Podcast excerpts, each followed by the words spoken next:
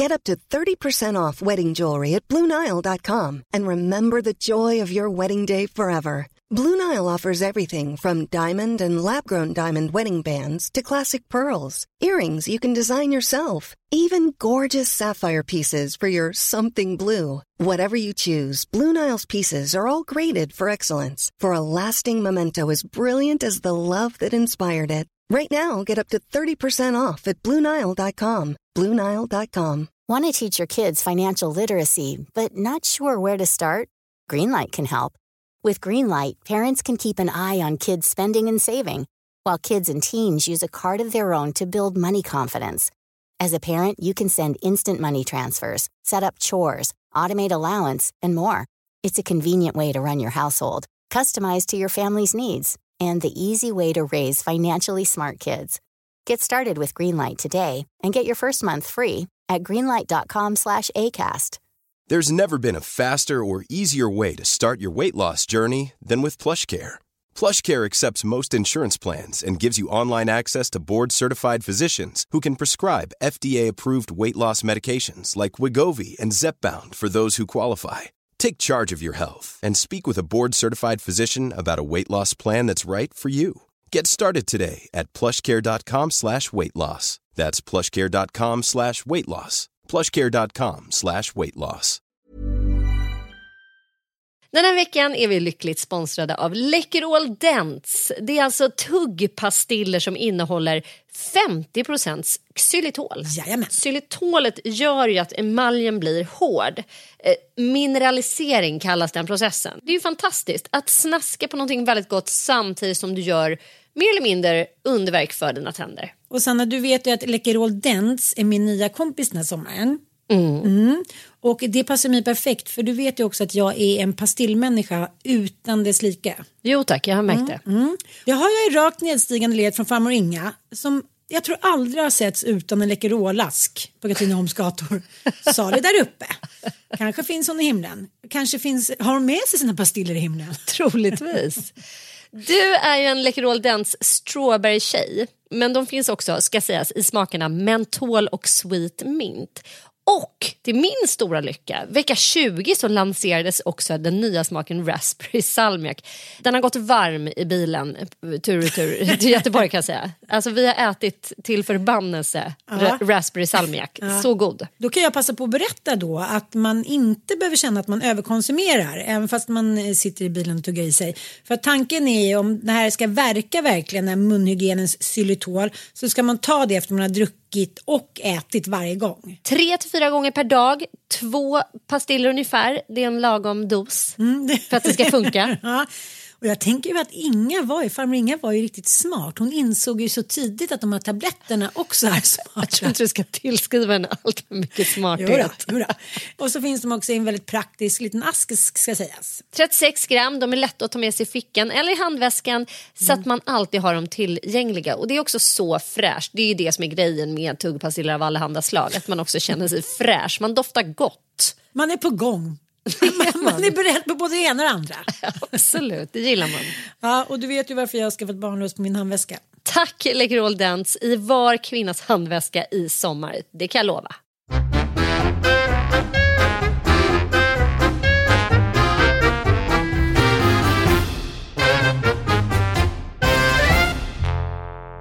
Hej och välkomna till Inte din morsa.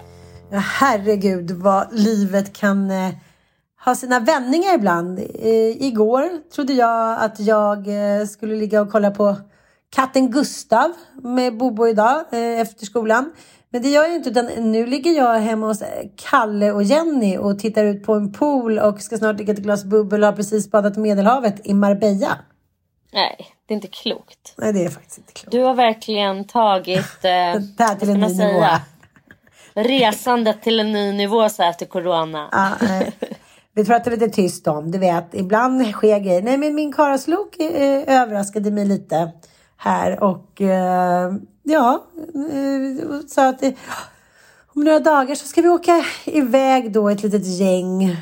Jag, jag har kanske någon gång yttrat orden, kan du överraska mig någon gång?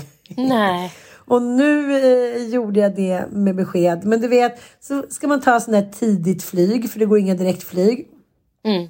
Och så ska man ta så här 6 och 36. Och eh, jag hade ju själv en jobbgrej på kvällen igår. Sen var ju vi på vår underbara Fannys Style Buys release av hennes nya ögonskuggepalett. Eh, Och eh, nej men jag kom inte hem sent, men du vet ändå. Man tar något glas champagne och det var lite hit och dit. Så ska man packa klart. Och sen så vaknar jag av att du vet, i halva natten ska Bobo ligga och snacka i sömnen. Det är kaniner som har hoppat ner i hår. Och, och till slut så blir man ju så, jag måste erkänna, irriterad. Man tänker så här, måste, hur, många timmar kan en sjuåring prata i sömnen? Men nu får du sova, älskling. Nu får du göra det. Så att jag hade sovit typ en timme när klockan ringde på det där 20 över fyra. Och är det något jag hatar så är det den här känslan av att det, det är nästan som i dödens väntrum.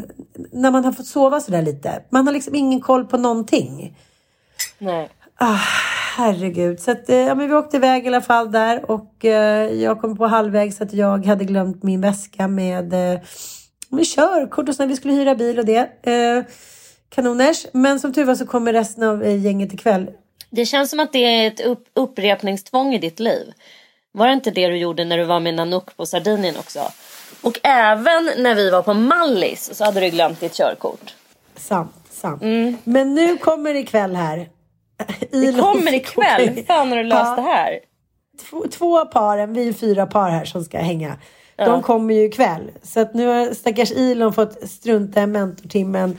Fått swisha till sig 500 kronor och åkt in med väskan. Så att ja, allt löser sig. Men det, det är lite jobbigare än vad man tror. Men när man sover så där lite. Så jag är... Äh, det var svårt. Jag tycker det var svårt. Men nu är vi i alla fall här. Killen är hos farmor och farfar. Och eh, vi ska vara här några dagar och spela paddel och grilla och bo i deras hus. Och åka på lite beach. Ja, mysigt. Mysigt.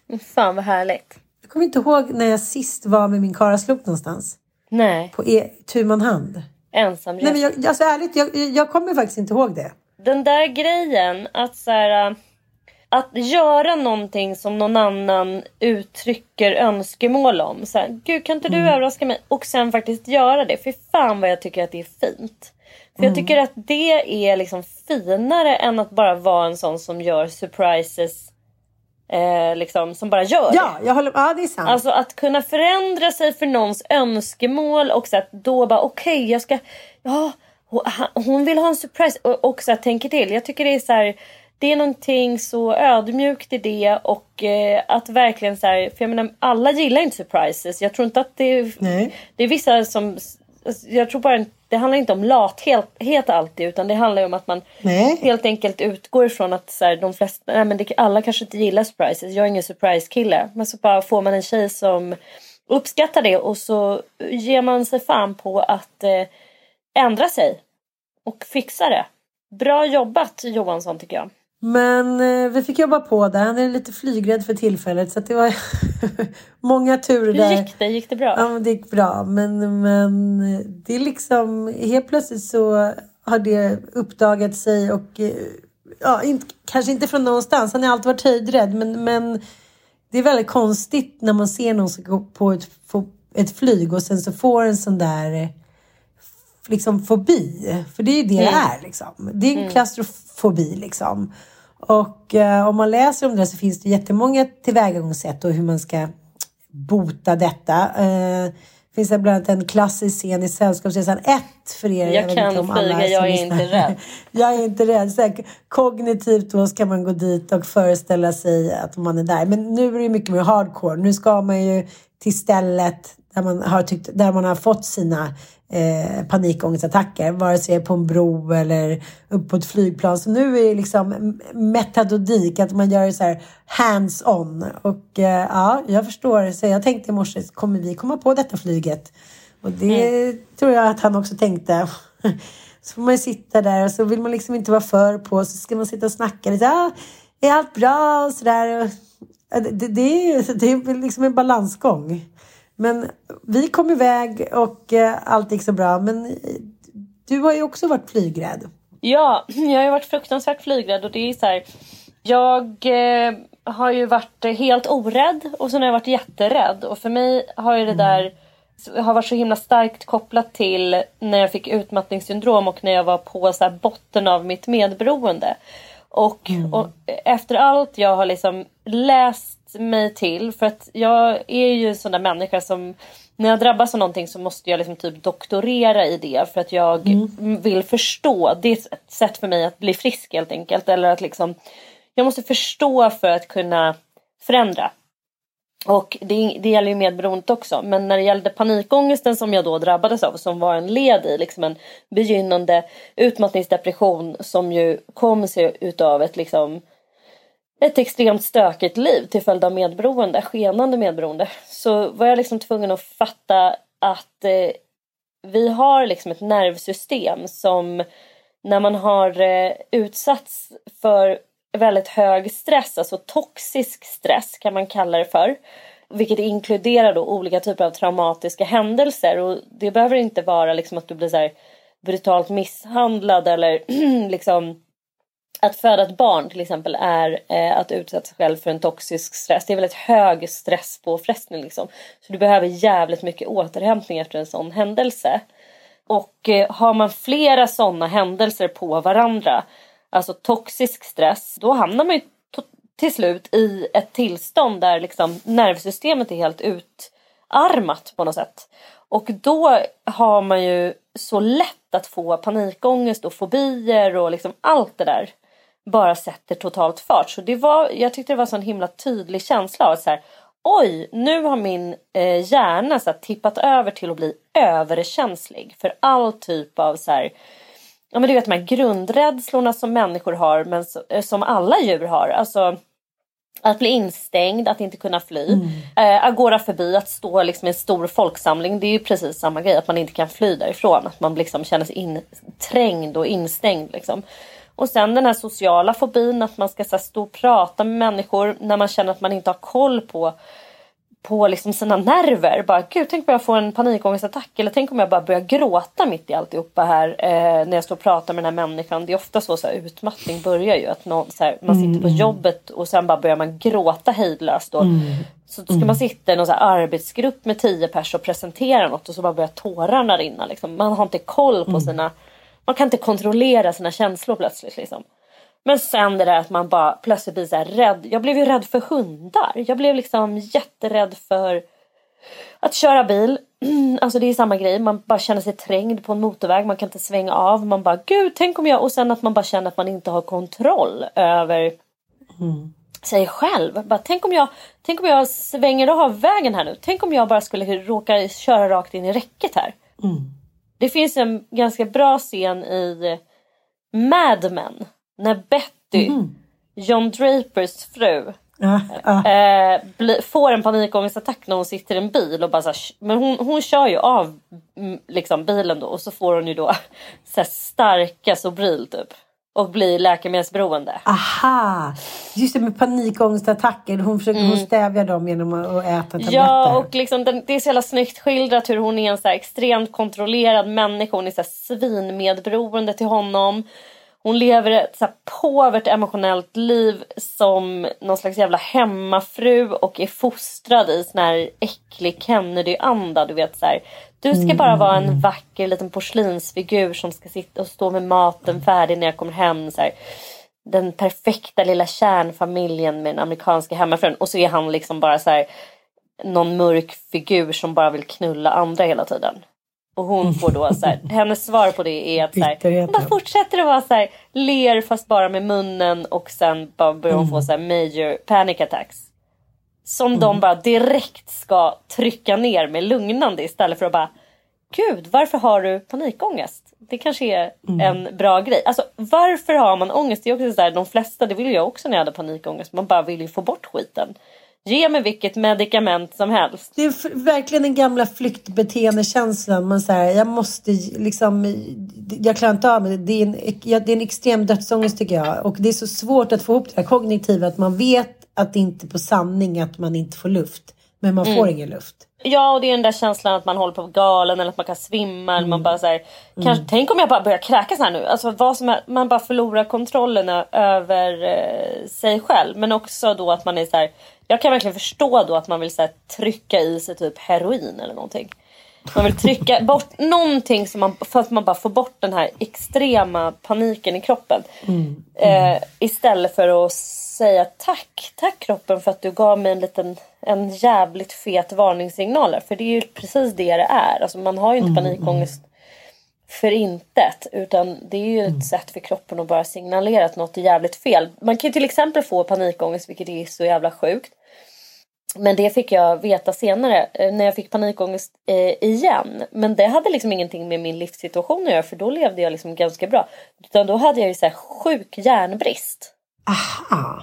Och det kan man få panikångest av. Man kan få, alltså, för att då får man ju inte, man kan inte syresätta sig. Om man inte har liksom tillräckligt med järn och depåjärn och så här, så kan man inte kan man inte syresätta sig. Det är som att kroppen hela tiden går runt och bara känner att så här, jag, jag, jag håller på att kvävas inifrån. Typ.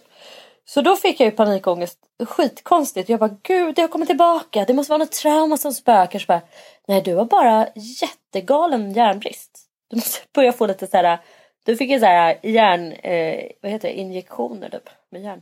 Och sen blir det bra. Men jag, men jag tänker också hur eh, lätt det där är. De, de vet ju inte riktigt var fobier kommer ifrån. Sen är det ju så här, de här gamla klassiska fobierna. Så här, men du vet, Snokar. snå, ja, men ormar så man vill inte Ormar. högt gräs. Och liksom, Ja. ja. men spindlar. Men den är kanske inte så svårt. Men, men det, de tror också att det är ärftligt. eh, Många fobier. Och jag, nu, nu kan inte, var ju inte det en fobi. Men jag har berättat om det här förut. Att min mamma var så himla, hon ville aldrig vara ensam i, i vårt hus i Jönköping. Hon skulle alltid åka till mormor som visade sig att hon trodde att någon hade hängt sig i köket. Och det där satt ju i mig. Jag ville ju inte gå in i vårt hus. Och sen dess har jag ju alltid tyckt att det varit lite alltså förenat med någonting med spöken och andar och läskigt och la la la. Att vara själv. Inte på senare år. Men det är väldigt lätt att lägga över demoniska känslor på sina barn. Vare sig man vill eller inte. Så är det och det ser man ju överallt. Jaha, undrar vad konstigt att hon, hon blev så när hennes mamma är så. Bla bla bla. Så det där är en, en svår balansgång. Men eh, ja, ja. Men du, jag, jag, jag tänker ändå nu när du har liksom en karaslok som då har eh, den här problematiken. Vi pratade lite grann om det igår när vi var på Facebook, när, på eh, Lumines eh, event där med ögonskuggorna och Fanny. Att liksom, jag tror att det är så jävla många män som har olika typer av ångestproblematik som de aldrig pratar om för att det så att säga inte alls passar in i mansrollen. Att ha alltså, oro och ängslighet. Liksom, män ska ju vara så här. De ska vara a rock. De ska vara familjens pappa bear. Du vet som inte... Och så det är klart att män har precis lika mycket ångestproblematik som kvinnor. Men jag tror inte alls att de vet vad ångest är. Jag tror att de... de det, det, det är så... Alltså är du med mig? Förstår du vad jag tänker? Att Jag det, är är här- med dig så det, himla det, det tar nog mycket mer emot för en man att så här, prata om att de har en panikångestattack. Än vad det gör för en tjej att göra det faktiskt. Ja, för att, jo, det, det tror jag verkligen. Men jag tycker så här, de senaste tio åren så har vi kvinnor fått mandat på att prata om allting som är jobbigt. Och tycker att allting är fel. Och vi har alltid varit orättvist behandlade och nu är det vår tur. Vilket gör att om mansrollen då ska förnyas och förändras så blir, blir det ju väldigt kontraproduktivt om vi trycker bort männen och inte låter dem vara med eftersom nu är det vår tid, liksom, tid att skina om du förstår vad jag menar. Och jag tänker också, ja, men nu läser vi, du och jag pluggar ju till eh, medberoendeterapeuter så jag har läst en bok om svensk psykiatri här under flyget. Och det, jag menar inte att det här är något nytt, men det är ju fortfarande så att det är så fyra gånger så många män varje år som försöker ta sitt liv. Mm. Och så här, vanligaste dödsorsaken för män mellan 15 och 44. Precis. Och eh, det Det här... är så jävla mörkt Det är egentligen. jävligt mörkt och det är också så här steady as a rock rent historiskt. Och då tror jag att det handlar om lite det du säger att de, känner den här ångesten som eh, både du och jag tror, många med oss också med ny forskning och ja, idéer att så här, ångest ligger ju bakom allt och det är rätt, lätt att tro att ångest är en sjukdom men det är någonting som man kan påverka och det är det som är så jävla bra. Man behöver inte vara rädd för det utan man får liksom omfamna det. Så är det ju med allting som är panikångestattack. Det är ju många som lever med det återkommande flera gånger i veckan. Det går ju inte att liksom lägga sig ner och dö varje gång de kommer. Utan som med allt annat så får man lära sig hitta ett sätt att hantera det. Ja men andas i fyrkant, slå på någon punkt, bla bla bla. Men eh, det som sker då med männen, eftersom de inte kan prata om det då, eftersom de ska vara pappa bear eller pappa macho eller pappa cowboy, så eh, hamnar det inåt istället för, för att lösas utåt och då kommer den här fantastiska eh, självmedicineringen. Mm. Med alkohol eller sex eller någonting annat som oftast är rent och skärt jävla ångestrelaterat och måste. Och det är därför man tycker så här, kommer ihåg när jag pratade med Annika Ankell om eh, om eh, Lars, jag säga, om Torsten. Hon var så här, ja men då hade han slutat kröka, men då skulle han börja träna istället. Och sen skulle han göra det, att det byter bara form, det måste finnas någonstans att lägga ångesten. Mm. Och när man inte liksom har lärt sig att adressera den eller ta reda på vad man ska göra av den, då, eh, då är det såklart, för, för ångest är ju någonting som man inte kan hantera till slut. Om ångesten blir för stark, då är det ju bara att hoppa från en bro eller ge sig ut och springa eller kröka ner sig. Den går ju inte att leva med 24-7. Det, det, är ingen människa som klarar av. Liksom. Mm.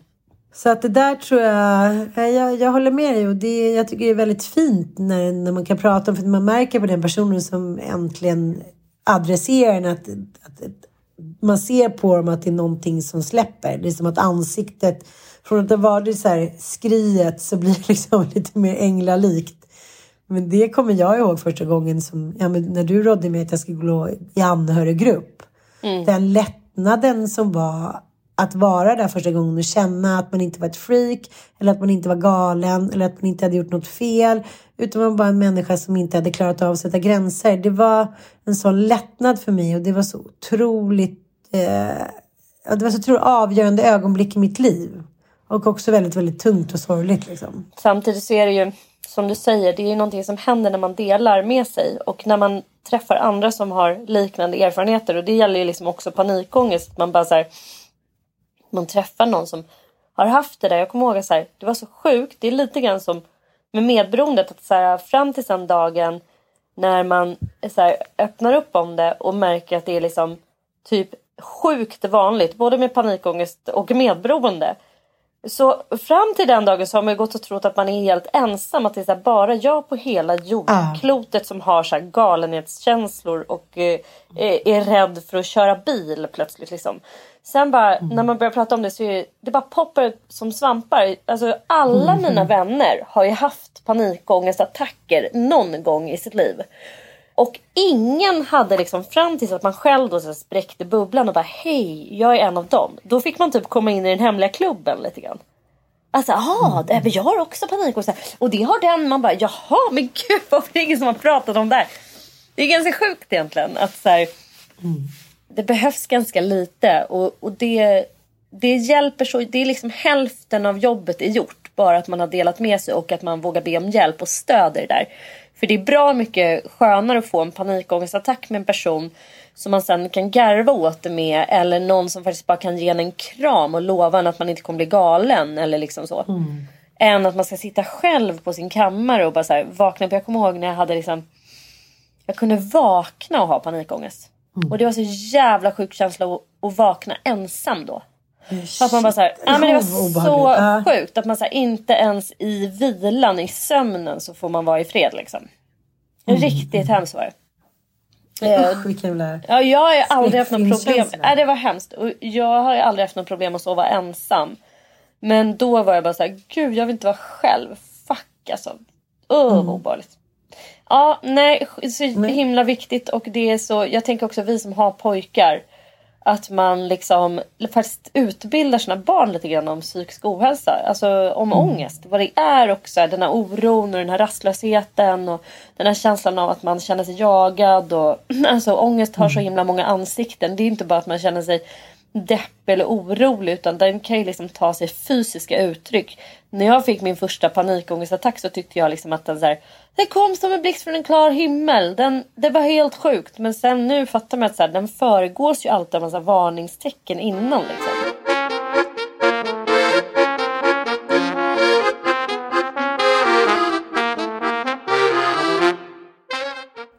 Och eh, tänk på det så här, från en sak till en annan nu med den här friskoledebatten. För jag och min kompis Jenny här, vi satt och pratade lite eh, nere på stranden om, eh, om deras barns skolgång. En, eh, deras dotter, hon är sju, hon går på Svenska skolan. Och där är det ändå så här, vad mysigt och när de inte är här då saknar vi dem och så här. Inte så mycket om liksom just kunskap eller mål. Och sen, det är mysigt att bara vara med barnen liksom, i den här härliga miljön. Mm. Deras son Nelson, han är nio, han går på privatskola, eh, engelskspråkig. Och helskotta, det, det som hon säger, det är så här, det ena är lite för eh, liksom smurfigt och det andra är liksom lite för back to typ 20-talet. Men dels har de skoluniform, eh, dels har så här, nu ska han göra en 30 ord lång typ föreläsning så här, på engelska. Han har så här, intensivkurs i engelska. Och sen ska han lära sig något tredje språk. Du vet, han är nio år. Herregud. och, de, uh, och de pratar om så här, om, om de är hemma någon dag eller borta eller åker hem. Liksom, det är inte bra för att då missar de sina mål och sådär. Och de har också skamvrå. Vad mysigt. Ja, så att om det är någon som liksom upplever gång, ja, då får de stå framme vid läraren tills de typ mm. så svarar rätt på en fråga. Fy fan alltså. Ja, och varje vecka kan man också bli så här, kan man få, som man kan samla på gadgets typ. Och bli då så här veckans Canny Mooney typ. Och eh, nej, det är liksom eh, det är ordning och reda och det är samtal med, med, liksom, med föräldrarna om de inte sköter sig hit och dit. Men skamvrål, det, jag så här, det var nästan så att jag började garva. Jag var så här, jaha, nu ska Astrid Lindgren, nu ska vi komma hit och ställa oss i skamvrån. Men, men det finns liksom fortfarande för svenska elever i Marbella. Det är ändå ganska fascinerande. Helt bisarrt. Hur skulle du reagera om typ Igor ringde hem och bara säger jag har stått i skamvrån idag. jag skulle nog inte tro att det var sant riktigt. Nej men jag skulle bli, jag skulle bli, nej jag skulle nog tänka att så här, vad fan är det frågan om? Nej men just att mm. så här, jag hade nog inte kunnat låta bli. Det finns ju några sådana skolor i Sverige som kör den här engelska modellen som så här, förespråkar mer disciplin i skolan och gammeldags typ så här, de måste få studiero och sånt där. Och jag, jag pratade med en kompis till mig eh, som har bott i Australien och vars barn har då börjat i australiensisk skola. Och eh, jag frågade liksom, men hur, hur var det att byta för dem och hur, vad, vad tycker du? Så här. Och hon är ändå en väldigt så här, mjuk och liberal och skön människa. Men hon sa det att så här, det är ju eh, liksom det är lite olika stil. De kör den här brittiska modellen liksom, med arbetsro och ganska stränga så här, uppställning på led och sånt fortfarande. Massa olika typer av så här, disciplin, disciplinella liksom, åtgärder. Men hon sa det, å andra sidan så i svensk skola så får ju liksom inte barn studiero. Och det är ju så. Det är därför alla man är så här, är det pest rekord. eller kolera? Ja, mm. det är så här, ska jag välja mm. pest eller kolera? Ska vi köra liksom skamvrån? Eller ska vi mm. köra liksom att de bara får köra apberget, springa runt som galningar och ingen säger något för att man har någon slags idé om att man bara ska köra positiv förstärkning på barn och man ska inte säga nej till dem och man ska liksom bara ignorera felaktigt beteende och man ska köra lågintensiv eh, bemötande och jada jada jada. Jag tror inte på det. Jag tror att barn behöver ramar och gränser. Jag tror att barn blir trygga av att veta vad som förväntas av dem. Och sen är det klart att det finns barn som kanske inte är mogna och inte riktigt klarar av för långa pass och så här. Men det måste ju för fan ändå vara ett mål att sträva efter. Att de ska liksom få förutsättningar att lära sig. I don't know. Mm. Men, men skamråd, nej tack. Den vill jag inte tillbaka. Men vad, är, vad var det för fel på den gamla hedliga modellen? Vi hade en, vi hade en sån skön lärare, visserligen i gymnasiet. Men hon var ju, ja, men hon, kan, hon måste ha varit född på 1920-talet eller någonting. Hon blev lärare på 40-talet. Ja, men alltså hon var som en så här parant eh, gammal liksom, magister. Som, det var uppställning utanför klassrummet innan vi gick in. Och så fick vi gå och sätta oss i bänkarna. Det här var alltså på gymnasiet. Va? Och det skulle vara knäpptyst i klassen. Och var man inte knäpptyst så fick man gå ut. Då, liksom, då blev man, vad heter det när man blir... Ja, och, så, och hade man inte gjort, nej men det, det var kvarsittning, hon körde lite light då. Det var inte skamvrå men det var liksom att man blev utslängd. Vad heter det? Mm, mm. Och så här, det funkade ju för folk höll ju käften. Det var ju knäpptyst på hennes lektioner. Och de blev också de mest intressanta lektionerna av alla. För att det var så här, det var knäpptyst, folk hade fokus, folk var engagerade och dessutom var hon en, en, en gudabenådad berättare liksom, och lyckades framföra samhälls, eh, samhällskunskap på ett sätt som, alltså det, det kan ju vara hyfsat tråkigt att lära sig om riksdag och regering och skit. Men det lyckades hon göra liksom hur intressant som helst. Så en kombination av att hon hade otroliga liksom, talanger som föreläsare och berättare och någon typ av så här, förmåga att skapa auktoritet fast på ett, inte på ett skrämmande sätt eller som gjorde Jag tycker det är också så här, man, ska inte, man får inte vara en auktoritet längre för att det ska vara platt organisation och alla är lika mycket värda. Och jag tycker att man har misstolkat auktoritetsbegreppet då för att jag tycker att man kan behålla värdet. Bara det att man, man erkänner att någon är bättre på vissa saker än vad man själv är. Och att man klarar av att underordna sig någon tillfälligt. Det är ju precis som man själv mm. skulle gå på en föreläsning och betala för det. Inte fan skulle man vilja att resten av åhörargänget satt och så pladdrade, snackade och skulle ta plats och typ fara runt i bänkarna. Då skulle man ju bli rålack. För man har ju betalat för att den där, den där människan med fullspäckad kunskap står där framme och ska, ska ge oss, dela med sig liksom.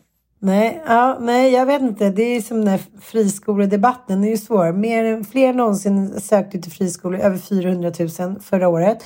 Just ja. för att de tycker då att de inte får den här eh, eh, ordningen och redan och studieron i vanliga skolor. Mm. Och samtidigt så tycker jag att systemet är helt uppfuckat. Som vi pratade om igår. Att man redan betalat en skolpeng som man ska få betalt för igen.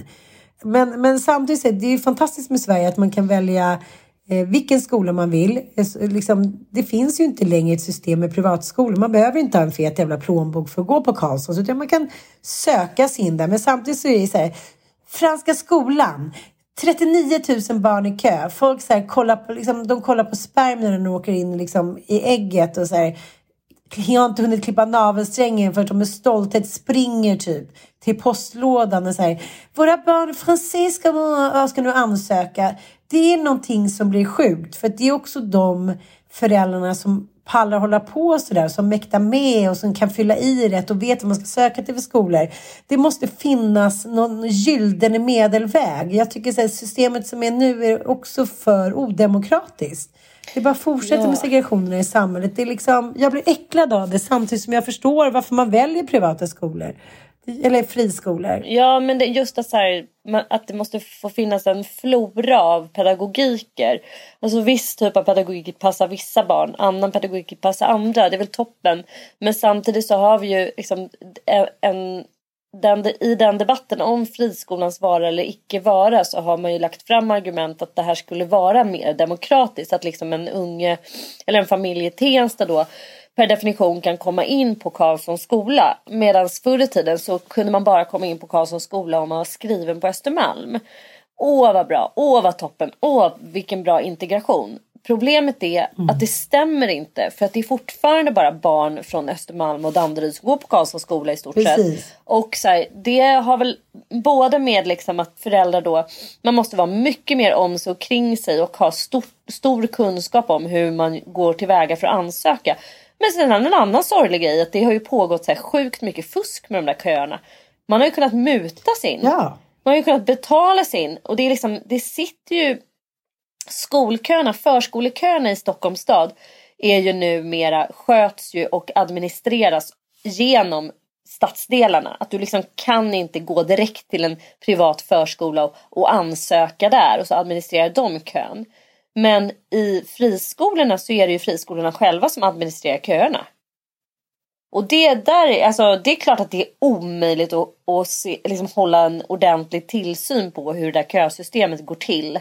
Mm. Alltså vem, vem är det egentligen som är tillsynsman för det? är Skolverket som ska skicka ut kontrollanter och se till att det inte är orättvis köfördelning. Att kön verkligen är en kö och inte bara någon typ av mutsystem. Liksom. Eller att det sitter någon där som är såhär, mm, gud vad bra, här kommer, kommer en liten adelsnamn få komma in här på Manilla Oj då, det var visst en ny gympasal som av Schnabelschnunkel hade betalt. Mm, betalade. Vad konstigt att hans 93 ungar kom fick in. komma in. Polisen har kommit med ett nytt förslag nu för att få liksom, kommunala skolorna bättre. Att, man, att de säger att tio fler anställda per skola blir billigare än hårdare straff. Mhm. Klokt. Ja, eh, ja, tycker jag också låter väldigt bra. För det är just det, när det inte finns... När, när de vuxna tappar kontrollen, då går det ju snabbt alltså. Då blir det ju flugornas herre på några sekunder. Jag kommer ihåg, som jag gick i Sveriges eh, framröstade sämsta högstadieskola, Kvicken, Kvickentorpsskolan. det var liksom verkligen år efter år. Man bara, okej okay, vi jobbar vidare, vi kämpar vidare. Men jag tyckte, jag vet inte, man hade inte så mycket att jämföra med. Men jag kommer ihåg när jag kom in i min syrras lektion en gång. De hade tyska. Min syrra satt och rökte ut genom fönstret. Eh, någon höll på och kastade grejer. Det var liksom som att komma in i en så här skämt amerikansk high school-film. Eh, folk satt och tuggummi, ingen brydde sig. Så fort läraren ställde en fråga så var det bara så här. Ich liebe dich! La, la, la. Det var liksom ett totalt haveri. Så det, det är med alla sådana yrken. De måste få tillbaka sin forna status och det är det de får de här friskolorna. För där lockar de med fetare löner, ordning och reda, schysstare lokaler, lite snajdigare kollegor, ungar som är jävligt intresserade och studiemotiverade. Jag fattar det. Det, är liksom, eh, det, det måste finnas ett sätt att hejda det här och hitta någon, eh, ja jag vet inte, någon, någon gyllene medelväg. Men om du fick välja om din skola, alltså det är någonting bisarrt med skolan för det är liksom de enda åren i livet där man på något sätt måste befinna sig på en plats som man har ganska lite makt över själv eftersom det är ens föräldrar då. Och förr i tiden så satte ju faktiskt kommunen en bara i en statlig skola som låg närmast för då var ju staten huvudman för alla skolor. Och det var ju så här, jaha, nu det bara är så, du har ingenting att säga till om. Det fanns väldigt få vägar ut ur det där. Mamma var ju besatt av att uh, hitta de snårvägarna. I Stockholm fanns det ju två privatskolor, om det kanske fanns tre. Och det var ju Karlssons skola och Maria elementarskola. Och där började ju mina brorsor. Och jag fick börja i Nacka musikklasser som var som Adolf Fredriks skola fast det var liksom det första vad ska man säga, musikklassen där man, där man tog över Adolf Fredriks koncept i, till liksom Nacka då. Så mamma drev ju det där väldigt hårt. Hon tyckte vi skulle ha en bra skolgång och hon tyckte inte att svensk då statlig skola kunde erbjuda det. Jag vet inte varför hon var väldigt engagerad i det här. Men och hon var ju då också besatt av så här, nej eller så skulle vi få gå i en Waldorfskola. Men det, och det var ju liksom, det fanns ju friskolor då men de var väldigt få. Solviksskolan Ja, i parallellt med Karlssons skola. Det var så här kadaverdisciplin för adliga alternativt apberg på Solviksskolan typ. Och i, på, i, mina brorsor fick ju gå då på Maria Elementar och där, de hade ju en rektor som hette Märta Fransson. Hon var så typ men hon var väl typ 85 då. Hon hade varit liksom rektor på skolan sedan 50-talet. Och hon hade ju lektioner med alla barn. Etik och moral. Hade de som ämne. Och de bad Aha. eh, kristen bön varje morgon. Nej. Så det, jo, så det var så här gam, supergammaldags. Det här skulle inte få förekomma tror jag då. Men, men liksom det som var, mina brorsor älskade ju att gå i den skolan. För att det var så här, det var tyst och det var arbetsro. Och det var, de var superstränga men väldigt kärleksfulla. Och de hade ju också väldigt bra lärare som de rekryterade. Och det är väl kanske det viktigaste av allt. Att man lyckas rekrytera riktigt jävla bra lärare. Och det tror jag friskolorna kanske kan locka med löner men i innerstadsskolorna så tror jag att eller liksom i, i övriga skolor, i kommunala skolor så kan man ju Finns det väl annat som lockar antar jag liksom. Man kan väl vara idealist och tycka att man inte är för liksom friskolor.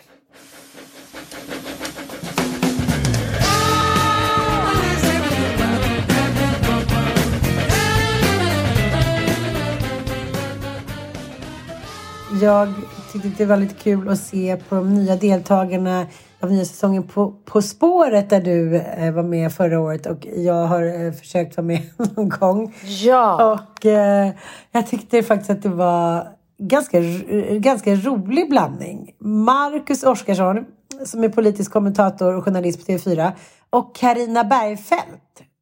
Åh, du som är lite journalist, författare, programledare ute i kylan efter den här Mm. eh, uppmaningen till att skänka pengar då till eh, Svenska, Svenska Afghankommi- Afghanistankommittén. kommittén. Precis, och många tyckte att eh, hon tyckte att hon var larger than life och stod liksom förbi SVTs lagar och förordningar. Patrik Arve och Irena Potzar, Expressens krönikör. De har ju varit med förut. Precis, Johan Glans och eh, Farah Abadi, programledare. De var också med Eh. förra året. Precis, och även Hanna Hellqvist och Ina Lundström. Jonathan Unge eh, och Cecilia Duringer, Magdalena Forsberg och eh, Claes Elfsberg. Och där måste jag ändå säga, där blev jag faktiskt, jag känner ju Magdalena lite och eh, även Claes och jag blev faktiskt väldigt förvånad att de gick och vann. På något sätt kändes det som att det var så här och de var själva också väldigt förvånade. Det var en väldigt Ja. så här, jämn omgång och det kändes som att för en gångs skull så handlade det ganska mycket om flyt förra året. Var det inte så? Jo, gud ja. Och du kan väl berätta lite. Du var ju med och eh, hade vunnit eh, din del och så ser jag plötsligt så, ja, så kom den här skandalen fram. Det var ju med stor bitterhet som Frida Boysen och hennes då, ja, nu kommer jag inte ens ihåg vad han hette, men det visade ju sig att han hade under, underdolt liksom alibi varit ute och uttalat sig extremt så här äh, främlingsfientligt och eh, ja, om det var judehatiskt och allt vad det var. Men det var en rektor från en Göteborgsskola och han så de blev ju då liksom borttagna och vi vann ju mot dem. Så, så om, om vi hade liksom fått, om, om de hade fått varit med då hade vi Hamid vunnit. Safar. Hamid Safar. Anis affär, ja. ja. Så att det, det var ju med stor bitterhet som vi då var tvungna att göra en ny omgång mot då Nordegren och Epstein. Och de har ju varit Ja, med i På spåret liksom en miljon gånger. Och Ja, där blev det ju då De är På spåret. Ja men de är det typ och de är ju så här, Mm. Jobbar ju för fan med sin show som handlar om liksom att ha koll på nyheterna dagarna i ända så att eh, det kändes som att så här, ja men tack för den liksom. Men, och då blev det ju oavgjort mot dem vilket ju ändå får betraktas som stort men det gjorde att vi inte gick, gick vidare. Mm. Och det, det var bittert men det var fan, it is what it is. Det var så kul att göra det där. Men jag tänker när man är med andra gången då har man ju redan bevisat någonting. Men vad, vad tyckte du var eh, svårast? Det jag tyckte var absolut svårast det är ju när saker är på tid. Alltså det finns ju ett moment där när det bara blixtrar förbi bilder och så ska man då sätta en person. Eh, och det här är ju liksom allt ifrån så här, men gud vem, var det vi hade nu? Eh, vi hade ju Whitney Houston. Just Och då var det liksom bilder på ett så här badkar. Då dog ju hon i ett badkar. Ja men du fattar. Det är så här, det är, inte, det är ganska långsökta bilder tills man kommer till slutet och då är, blir det ju väldigt obvious allting. Men eh, den satte jag ju då. Men vem, det var någon som satte den precis samtidigt med mig tror jag. Men det var, det var skitsvårt. Men sen tycker jag också att det som var så förvånande det är att man kan massa grejer som man inte har en aning om att man kan. Mot Hamid Safar och Frida Boysen till exempel så hamnade vi i Borgholm, alltså i, på Öland.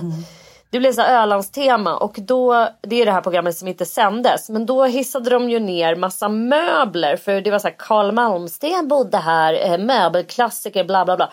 Och då hissade de ner så här massa svenska möbelklassiker.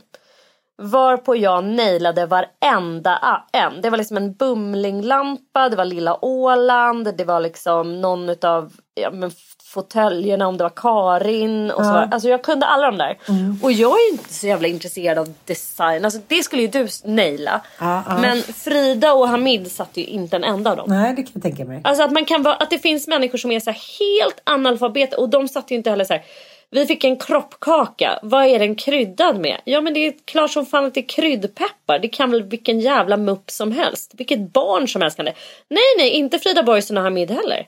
De bara, alltså nej. De hade ingen aning om att det var kryddpeppar. Och för mig är det så här. Det är ingen som har lärt mig det. Det är bara kunskap som har, så här, förstår du? Saker som man typ tycker är gott. Och, och det där var, det är ganska spännande tycker jag. Att vissa människor som man betraktar som enormt allmänbildade har alltid kunskapsluckor. Och jag hade ju enorma kunskapsluckor när vi hamnade i Linköping och vi skulle prata om så här flyget och olika så här krafter Eh, oj, på... oj, oj, Nej, men alltså nej, snälla. Herregud Jag var så dålig på det. är jag så dålig? Jag bara, nej men du vet, jag känner mig som en analfabet. Det var så jävla sjukt. Ja. Och sen var det också något moment med så här, när vi hamnade i Tyskland. Och så var det du vet så här, kraftverksmusik, alltså tysk kultur. Kan inte ett piss om det. Nej, nej, men sen Inte så kom. Kate Bush som både du och jag älskar. Ja, som jag och Plura up. Och jag bara, nej, nej, du vet jag blir så irriterad. Så här, nej, du vet vilken det är. Vi har, brukar sjunga den här. Nej, du vet ibland slår det som slint och Ja. det är så jobbigt. Och Så det är hjärnan som får en stressövergång. Och det där sker ju också. Kom du ihåg när man hade prov ibland? Man var så här, nej men allt försvann. Ja. All jävla kunskap har försvunnit. Mm. Och eh, det är väldigt spännande. Men det är också ett sånt jävla prestigeprogram. Liksom. Sånt jävla prestigeprogram. Det är så många som inte ställer upp på grund av det. Liksom. Ja men det sa de ju också att det, här, Eh, det, vet ni hur många det är som inte vill göra det för att de är så här, nej nej nej men gud jag kan inte framstå som en mupp. Men jag har, jag har faktiskt ingen sån prestige. Jag kan gärna få vara en mupp då för det, det gör mig ingenting. Men det var, ändå, det var ändå skönt att man kunde något kände jag. Att annars hade man kanske bara ångrat Du var det. jätteduktig älskling. Tack, tack. Muppsarna, muppsarna.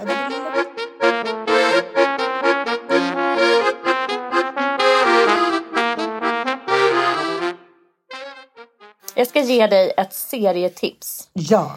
Eh, som du kan nu gotta in dig i under din lilla härliga weekend om du har någon eh, tid över och bara känner för att gå in Nej, jag på... ska plugga det vet Ja, men du också. det skulle i och för sig göra också. Men någon liten timme här och där. Det har kommit en serie som heter The Maid.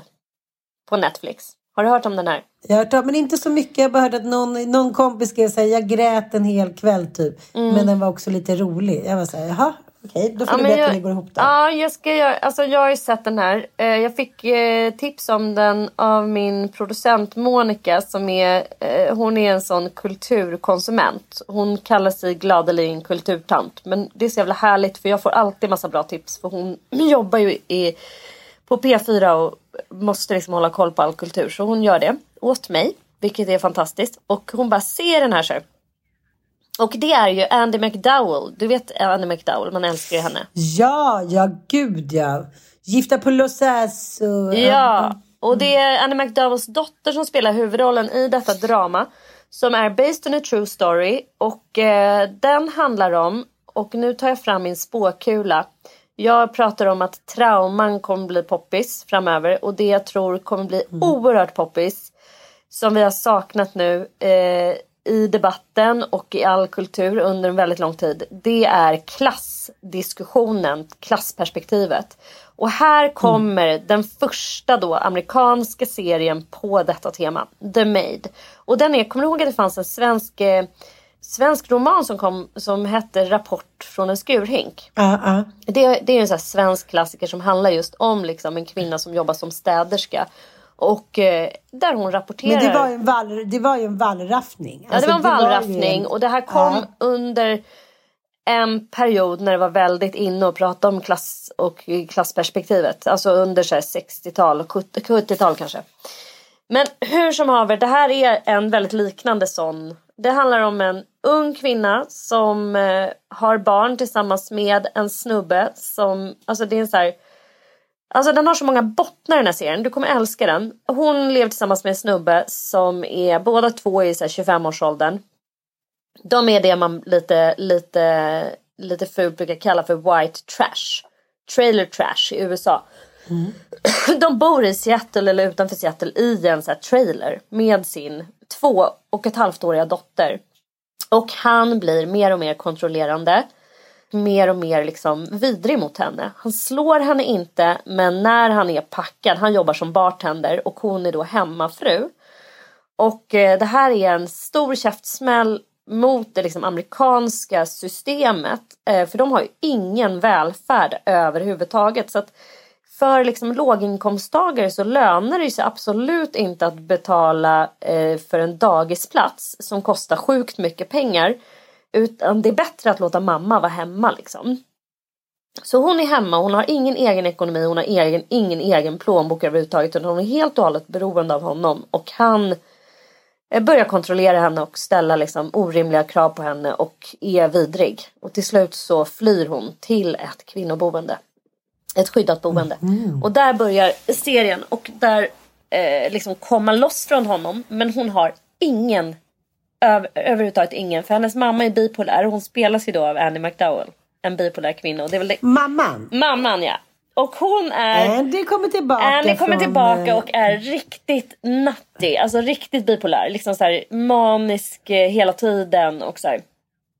Helt opålitlig. Hon har ju och- spelat lite mer snälla mes-amerikanska roller. Det här tycker jag låter mycket upphetsande. Ja, nej, hon är, hon, och hon är liksom, du vet den här konstnärstypen. Så den här flickan, eller hon, hon, huvudrollen, alltså huvudrollsinnehavaren. Hon är ju uppfostrad liksom med en så här äh, bohemian mother. Liksom. Jag må vara liksom galen men hon är konstnär och då kan man vara så här och leva runt i olika trailers och hon bor i någon husbil ihop med någon yngre kille och liksom vill inte ta ansvar över något och är liksom en övervintrad hippie i mångt och mycket. Liksom. Så mamman har ju absolut varken pengar eller husrum till henne liksom. Eh, och så finns det en pappa med i bilden men som liksom hon bara, det framgår inte riktigt varför hon hatar sin pappa så mycket men under seriens gång så kommer man att förstå varför. Den här serien handlar alltså om klass. Det, är en enormt fin serie för att liksom belysa också så här, de dels klasskillnaden i USA men också så här könsskillnaden. Vilket jävla skitsystem det är som gör att kvinnor liksom hamnar efter så sjukt mycket. Och sen barnperspektivet liksom. Eh, att växa upp med våld och inte bara fysiskt våld utan psykiskt våld. Och det är jättesvårt att få rätt till ensam vårdnad för att man, det finns en pappa då som, som utsätter en för psykiskt våld. Det är liksom omöjligt att bevisa och det är en sån kamp som hon tvingas föra då under den här seriens gång. Och hela hennes liv är en sån kamp. Alltså att säga, Alltså hon har inga pengar och därför kan hon inte få en dagisplats och därför kan hon inte jobba. Och om hon inte jobbar så får de inget boende så de bor liksom i början på gatan hon och hennes dotter. Innan de får hjälp. Alltså det är en sån, eh, vad heter det, rävsaxsituation. Du vet så här, moment 22 att liksom hon kan inte börja jobba om hon inte har dagis för hon får inte ta med sig barnet till det här städjobbet som hon då får. Och hon börjar städa människors hem. Tjänar enormt lite pengar på det. Det här är en sån sevärd serie. Det är så bra skådespeleri, det är så vackra miljöer, konstigt nog. Och det är eh, så intressanta teman. Och nu, missbruk och beroende förstås finns ju med genomgående i he hela den här skiten. Annars kan vi inte titta. Annars kan vi Nej inte kan vi inte. Och bipolaritet. vi Så det, här, det, här, det här ska vi vi se älskling. Vi ska götta in dig. Och eh, jag skulle bara eh, upp, nu lät jag som en borgarbracka för att jag är Marbella. Men jag är ingen borgarbracka för det är inte mitt hus. men, men just det att så här, ta en liten extra eh, titt på de där mammorna som faktiskt är ensamstående och har det jävligt tufft. Bjuda över dem, liksom hjälp till, fråga om de behöver hjälp. Du vet, du vet ju själv hur det är när vi, vi var ensamstående. Det är tufft att liksom rodda runt här med barn, ungar och ekonomi. Liksom. Jag eh, efterlyser en eh, hjälpande hand. Att vi ska tänka lite mer på det faktiskt. Med de orden avslutar vi detta avsnitt. Sí, gracias. Gracias señorita. Puss och kram. Eh, Tack för att ni lyssnar. Puss och kram älskling.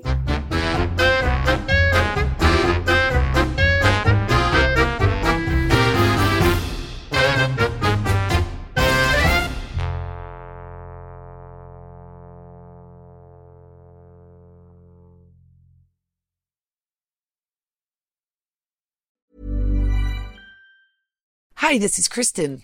And this is Jen from My Mom So Hard. And we're here to talk about By Heart. Do you remember when you were nursing and you were like, I want to give the best thing I can to my baby? Well, we've got that for you. It's called By Heart, and it is a infant nutrition company built from the ground up to deliver real innovation on behalf of babies and parents. Curious about By Heart? Redeem your welcome offer at byheart.com slash podcast with code MOMS20 for a limited time. Additional terms and conditions apply. Tell them My Mom So Hard sent you. Imagine the softest sheets you've ever felt. Now imagine them getting even softer over time. That's what you'll feel with Bowl and Branch's organic cotton sheets. In a recent customer survey, 96% replied that Bowl and Branch sheets get softer with every wash. Start getting your best night's sleep in these sheets that get softer and softer for years to come. Try their sheets with a 30-night guarantee. Plus, get 15% off your first order at bowlandbranch.com. Code BUTTERY. Exclusions apply. See site for details.